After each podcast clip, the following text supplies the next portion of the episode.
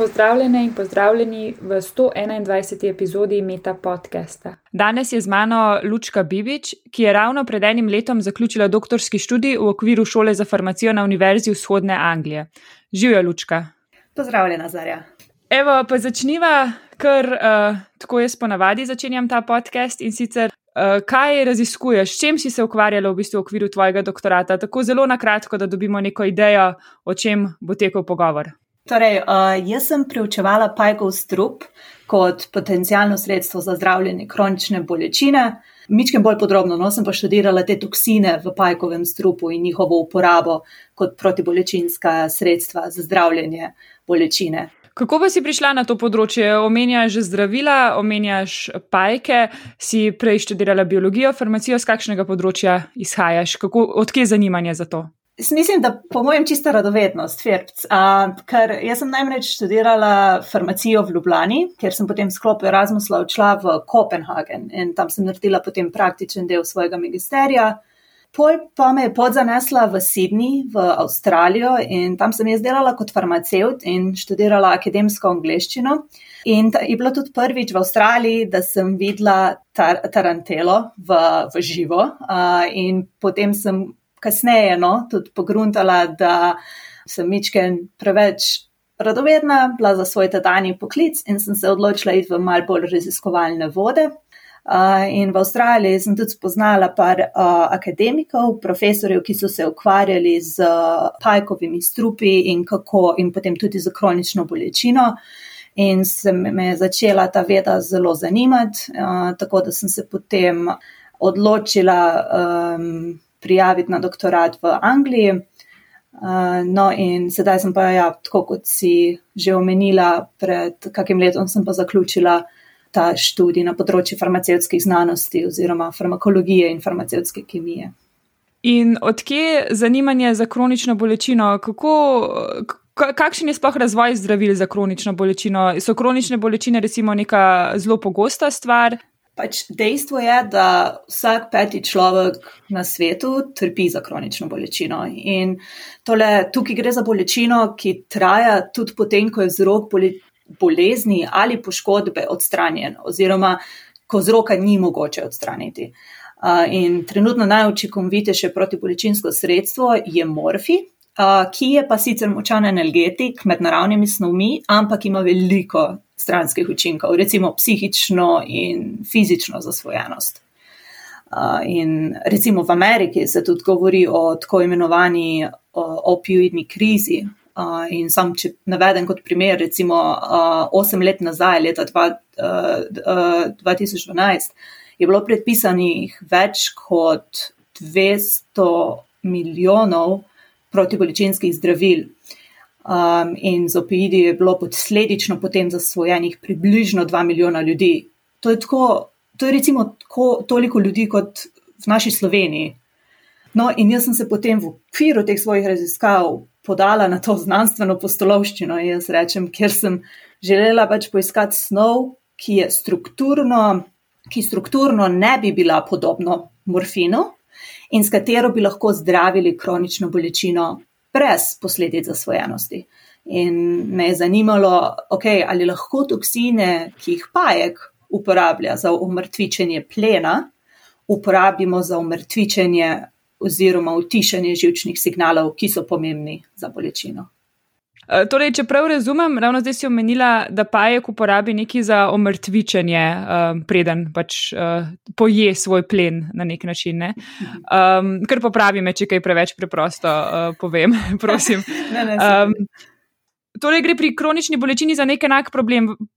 Praktično vse čas um, nekaj vzdraži naše uh, živčne končiče, ali zakaj gre in kako kako, kje pride ta analogija oziroma ta uporabnost. Eh, kako sploh ste prišli do te zamisli, da bi v bistvu toksine iz spajkov uporabili za ta namen? Kje je ta povezava? Ja, torej, ta povezava enostavno leži v tem, da na način, na katerega uh, pajek poišče svoj, svoj plen, je tako, da inicira pač te toksine oziroma strupe v plen in potem ga omrtviči. Kaj se zgodi v, v plenu, ki je lahko uh, kakšen uh, muha ali, ali miš, odvisno, lahko je pač majhna ali pa velika žival.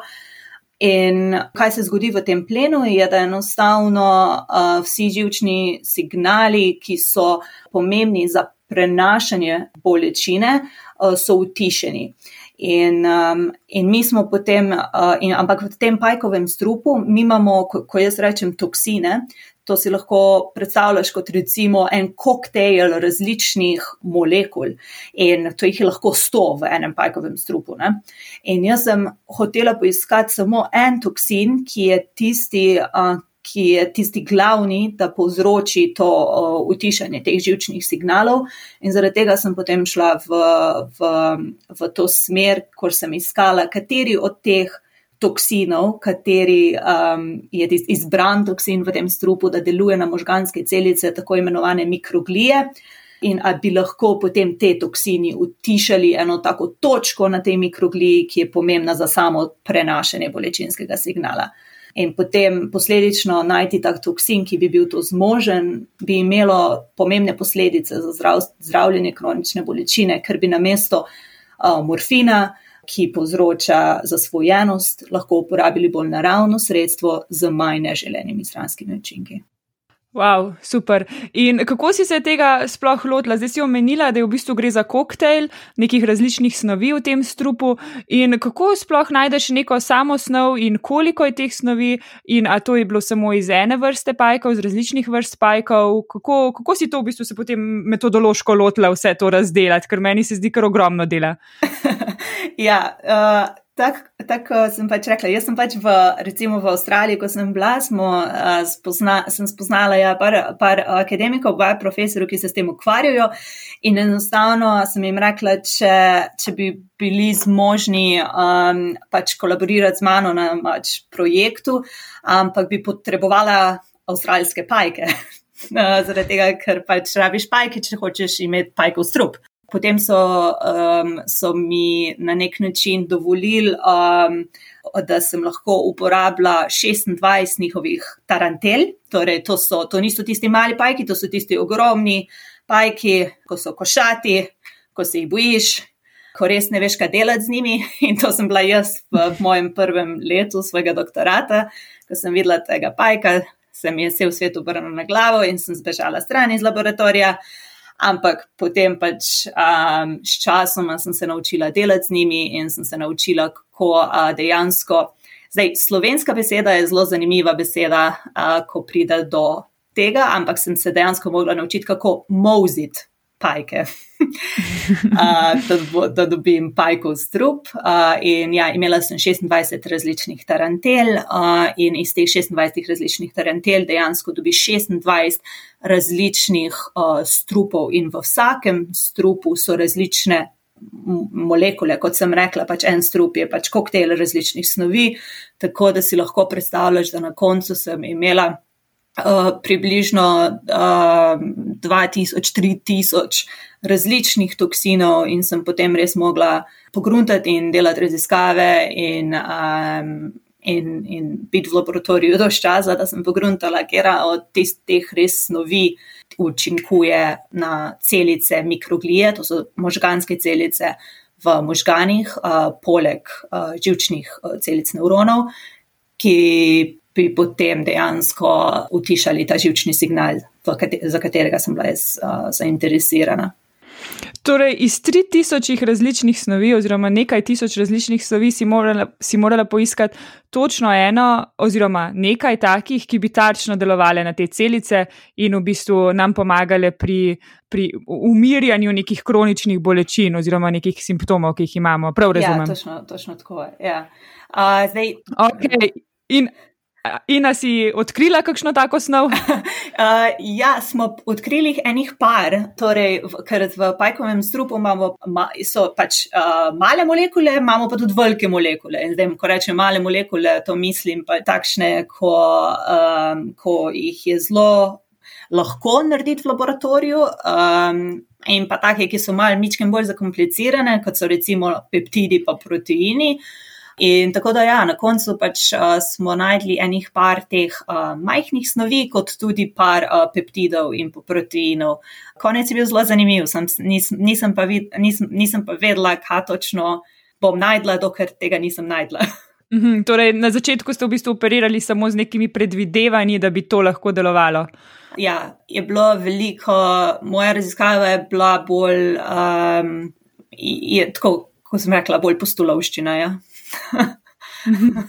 okay. in, uh, in kako si pa recimo preverjala, ali ta neka snov, oziroma govorila si o vel, vel, velikih in manjših molekulah, deluje tako, kot vi želite? Si to preverjala v kakšnih ceh? Kako, sploh, kako sploh veš, da deluje? Verjetno nisi kar ljudem. S kroničnimi bolečinami obrizgavala različnih toksinov, pa, pa malo probavala, kako, kakšna je ta metoda v bistvu. Najprej smo mogli lo, ločiti vse te strupe. Torej, tako sem rekla, mi imamo ful, uh, ful različnih molekul v enem pajkovem strupu in kar se recimo sto. Uh, in jaz sem, kar sem najprej mogla narediti, je, da sem uh, vse ločila, kar pomeni, da sem dobila na koncu sto različnih provedk od posamičnega toksina. In kar sem potem naredila, je, da sem um, gojila, uh, v laboratoriju smo gojili pač uh, možganske celice v tako verjih takih posodicah. In to niso tkiva, ampak so pač bolj uh, na celični ravni. Torej, smo, smo lahko videli uh, te celice mikroglije, kot tudi uh, nekatere živčne celice, ostale živčne celice. In smo, kako smo potem to naredili, sem, da sem enostavno vsak toksin, ki sem ga predtem ločila, sem enostavno potem inicirala v različnih dozah. Na, na te celice, in sem potem spremljala ta signal, ki je neka, nek, na nekakšen način indikator, ali so te celice dejansko um, stimulirane, ali so na nek način inhibirane. Kar pomeni, da če so inhibirane, to potem pomeni, da je posledično ta bolečinski signal utišen. In na ta način si potem odkrila neke kandidate, ki bi lahko delovali, kot bi si želeli. Ne? Točno tako. Ja. Uh, torej iz teh, uh, potem recimo, če sem imela 100 strupov, ki sem jih ločila, uh, zdaj včasih se večinoma, kar se je dogajalo, uh, je, da nič ni delovalo, tako kot bi si jaz to rada zamislila. Tako da je mogoče celo samo po kakšnem letu, dve, a, smo potem res začeli začel videti nek napredek. No? Ampak na začetku je, zlo, a, je bil pa ta napredek zelo bolj počasen in bilo veliko več neuspehov kot uspehov, kar je v vsakem doktoratu se mi zdi, da, da je uspeh na nek način grejen na neuspehov. Mhm. Pa v prihodnosti misliš, da bo to potem tudi vodilo še naprej prav do razvoja kakšnih terapevtikov, ali je to zaenkrat res samo še na ravni uh, preučevanja, kaj se dogaja v celičnih kulturah, um, kakšen je ta nadaljni razvoj, ki, kam misliš, da se bo usmeril? Torej, moje raziskave so bile v zgodnjih fazah raziskav. Uh, trenutno so pač te strupi, ki smo jih mi odkrili, so uh, trenutno inicirane v uh, živali. Tako da smo na nek način iz celičnih raziskav, je zdaj na stopni raziskav, ko rečem živali, no, so bolj miši tukaj.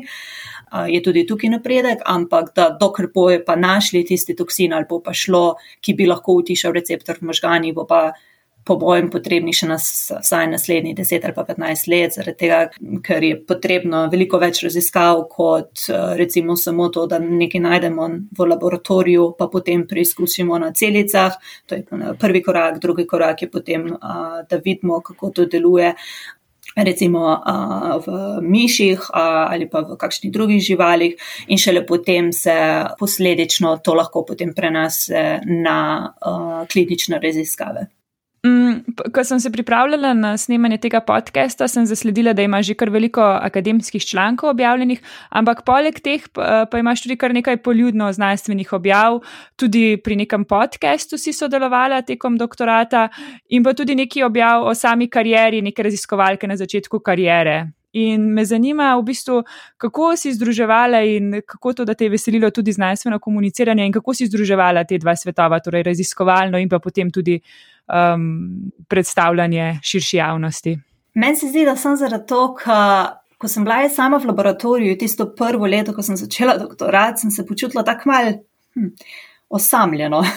tak sama, jaz sem mogoče vedela, kaj delam, pa par kolegov zraven mene je vedelo, kaj delam, pa ja, moj, moji nadrejeni so vedeli, kaj delam, ampak to je bilo to.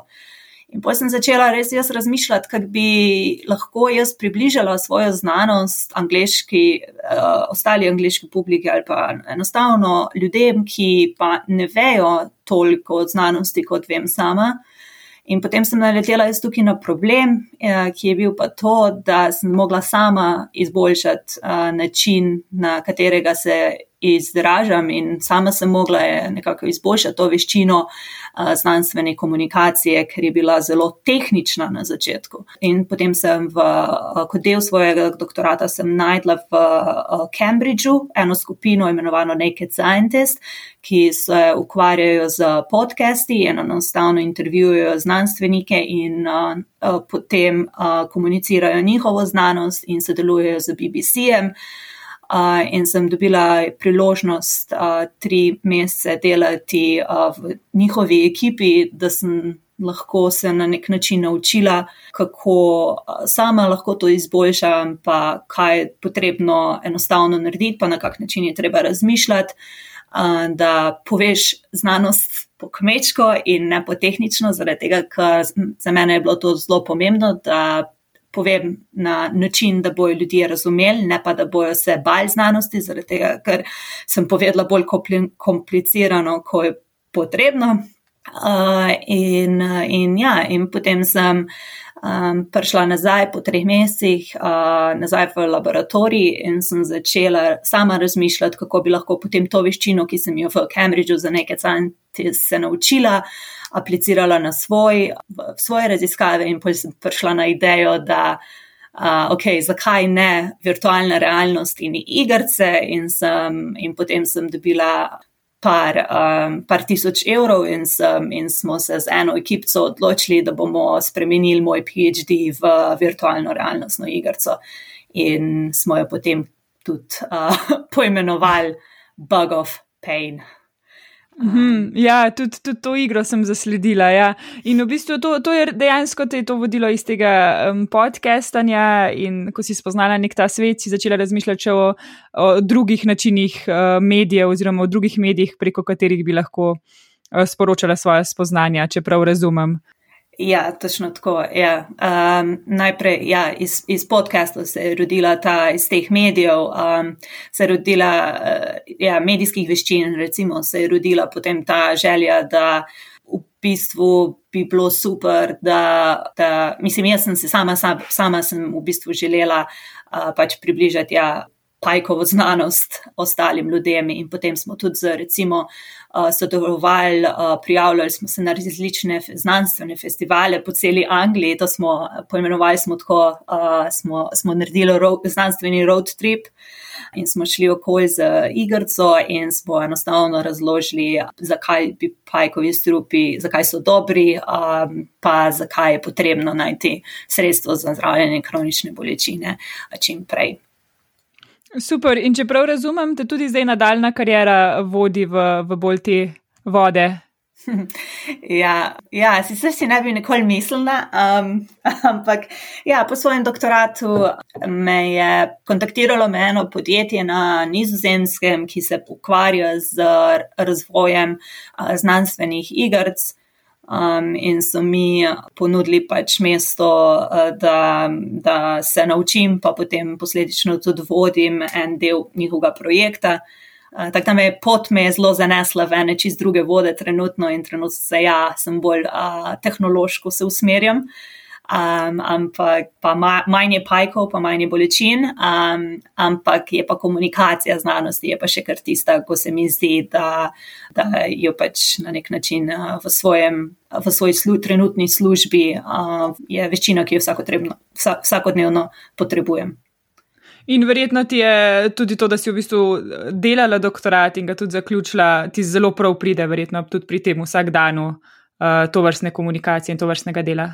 Ja, vsekakor. Se mi zdi, da pač te veščine, ki sem jih dobila v doktoratu in večinoma kot veščine mislim, recimo um, res to kritično razmišljanje o znanosti, um, pa to, da sprašujem vprašanja, pa da na nek način, če preberem nek nek znanstven članek, ki je zelo tehnično napisan, um, mi je zelo hitro jasno, uh, kaj je bistvo tega članka in kaj so naredili. In se mi zdi, da je ta, da to, kar sem se naučila v doktoratu, kjer moramo, ne vem, recimo vsak dan prebrati več kot deset člankov uh, in posledično, če to delaš štiri leta, eh, ti zelo hitro postane, zelo hitro dobiš to veščino, da hitro greš čez članek in ti res postane kristalno jasno, kaj so tiste ključne informacije. In se mi zdi, da ta, to veščino mi zelo pride prav v moj trenutni službi. Ja. No, zdaj pa sledi še pet klasičnih vprašanj. Eh, kako so se od opisa do danes spremenila tvoja pričakovanja glede doktorskega študija in ali bi se ponovno odločila za doktorski študij? Tole je bilo zanimivo vprašanje. Eh, zanimivo je to, no, da med samim doktorskim študijem sem jaz sama parkrat podvomila v to svojo odločitev, da po magisteriju nadaljujem z doktorskim študijem. Zdaj, pričakovanja se niso veliko spremenila, ker sem na začetku vedela, da bo potrebno to zdela, par odrekanj in pa da bom soočena z veliko izzivi, predvsem kar se tiče osebne in profesionalne rasti. Ampak, če sedaj pogledam nazaj, mi je bil študij užitek. In spoznala sem ogromno kolegov, mentorjev, ostalih doktorskih študentov, ki so šli skozi ta podoben proces uh, in so mi stali ob strani, nesebično delili svoje nasvete in bili res tako navdušeni nad mojim namenom raziskovanja. In um, ja, ker namreč jaz sem tak firc in se mi zdi, da če si radoveden, uh, intelektualno radoveden, uh, mislim, in da tvoje delo res zanima, bo doktorski študij in pa proces, skozi katerega greš kot doktorski študent, večinoma v užitek. Uh, ampak ta proces ni sprint, uh, je bolj en tak maraton. In v svojem doktorskem študiju sem se res naučila, kako se res recimo soočati z neuspehom dnevno ja, in, in da inovacija leži v tistem enem procentu uspeha. Ampak je pa neuspeh tisti, ki je ključen, ker kaj ne štima. Ja, je bil neuspeh tisti, ki me je vodil do uspeha in do poskusa v laboratoriju, ki je na koncu štimal. Da, ja, jaz se bi definitivno bi se odločila za doktorski študij, ampak mogoče zdaj, ko že imam doktorat, se pa mogoče ne bi odločila še za en doktorat. okay. um, če bi imela priliko iti na kavo s predsednikom vlade, kaj bi mu predlagala, da izboljša na področju znanosti? Komunikacijo znanosti. Ker meni se zdi, da je potrebno komunikacijo znanosti kot vedo in veščino vključiti v učni načrt. In mogoče, ok, ne na stopni srednje šolske izobrazbe, ampak definitivno na stopni univerzitetne izobrazbe. In v Angliji, recimo, ker sem študirala, je to že del učnega načrta na različnih univerzitetnih stopnih, ampak se mi zdi, da nekako ta izobraževalna vrednota ni prišla v, v mojo rodno državo. Recimo, primer, uh, kot študentka farmacije v Ljubljani, sama nisem imela eh, nobenih priložnosti, recimo, kako izboljšati svoj način izražanja in v mojem primeru farmacevtskih znanosti. Ok, ja, zdala sem govoriti recimo o predmetu iz knjig ali pa iz predavanj, ampak moje izražanje je bilo predvsem tehnično. In, in ja, to ne pomeni, da, bil, recimo, da so faksi tisti, ki bi mogli to izboljšati, ampak se mi zdi, da a, kot država da nimamo še sistema, ki bi dovoljeval študentov izboljšati komunikacijo znanosti. Imamo enih par super novinarjev, ki so se zauzeli za, za to, da izboljšajo ta vidik um, znanosti. Um, ampak se mi pa zdi tudi potem, če pogledam to, da tudi komunikacija recimo med uh, znanstvenimi novinarji in znanstveniki bi lahko tudi bila boljša. In uh, da niti ne omenim pol, recimo, ne vem, komunikacijo med politiki in znanstveniki, tipičen primer je pač COVID.